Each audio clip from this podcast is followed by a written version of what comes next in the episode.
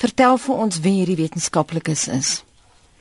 Er is 'n groep van 19 uh wetenskaplikes en ook uh mense in die uh gesondheidspolitiese besluitnemingsterreine, maar dit uh die paneel is saamgestel onder leiding van die Londense Skool vir Higiëne en Tropiese Medisyne en die Harvard uh, Instituut uh, vir Wêreldgesondheid.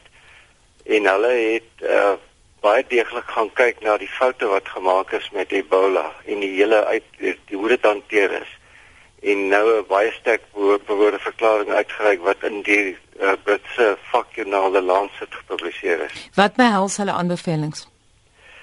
Wel, hulle aanbevelings uh, is daarop gerig dat uh, uh, die dat daar 'n wêreldstrategie ontwikkel word om hierdie soort van uh epidemies te hanteer en dat daar baie uh baie vroeër uh rapportering is van van die uitbreek van 'n epidemie. Uh, Byvoorbeeld een van die uh skerp bewoorde kritiek aspekte wat hulle uh, uitgespreek het was die feit dat die wêreldgesondheidsorganisasie feitelik 6 maande gevat het nadat die uh, Ebola uh, epidemie uitgebreek het om werklik uh, ernstig reageer in die wêreld bewus te maak van terwyl hulle geweet het daarvan. Uh dan verder het hulle gevra dat die wêreldgesondheidsorganisasie dat daar 'n verenigde uh sentrum geskep word wat hierdie soort van uh deur middel van 'n bestaande uh noodkomitee kan hanteer en dat hulle verantwoordbaar moet wees aan onafhanklike kommissies wat hierna kan kyk. Uh en dat daar 'n baie groter deelname is van regerings in terme van befondsing om hierdie soort van uh, epidemies te kan hanteer. Gepraat van befondsing, hoe implementeerbaar op praktiese vlak is hierdie voorstelle?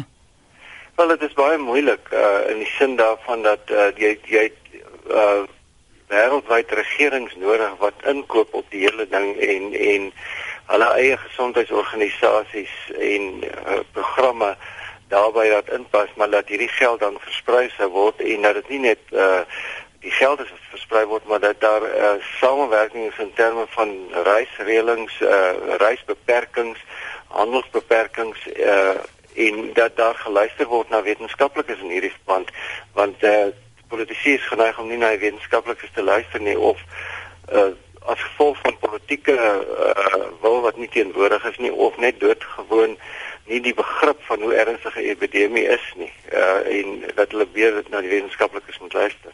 Gepraat van die epidemie, hoeveel mense is die afgelope tyd aan Ebola dood in Wes-Afrika? Wel eintlik relatief min as mens kyk na uh, as jy dit vergelyk met die eerste uh werklike groot epidemie wat, wat die mediese wetenskap kan uh, kan uh inligting kon versamel. Jy weet die groot griep van 1918 1920 het tussen 50 en 100 miljoen mense wêreldwyd laat sterf. Dit was die eerste uh voorbeeld van die HE H1N1 virus. Ongeveer 140 000 Suid-Afrikaners het in 6 maande gesterf en ongeveer 'n half miljoen in totaal. Maar uh, die Ebola het maar 11000 mense uh laat sterf. Uh dit, nou mens kan nou sê maar, maar die die feit is dit is 'n geweldige verspreidbare siekte. So uiteindelik goed gedoen om die ouene dit tot daardie getal te beperk maar jy weet jy het verlede week baie aandag gegee aan die antibiotika uh bewuswording die oorgebruik daarvan uh en hierdie is 'n tipiese voorbeeld daarvan dat die wêreld dat hierdie waarskuwing wat nou uitgereik word juis ook uh gerig is daarop dat ons baie blootgestel is aan onbekende virusse en dat die dat dat die die wêreld eintlik nie gereed is om 'n groot epidemie te kan hanteer nie. En daarom uh, probeer hulle juis hierdie soort van uh maatreëls in plek stel en hopelik sal regerings dan luister.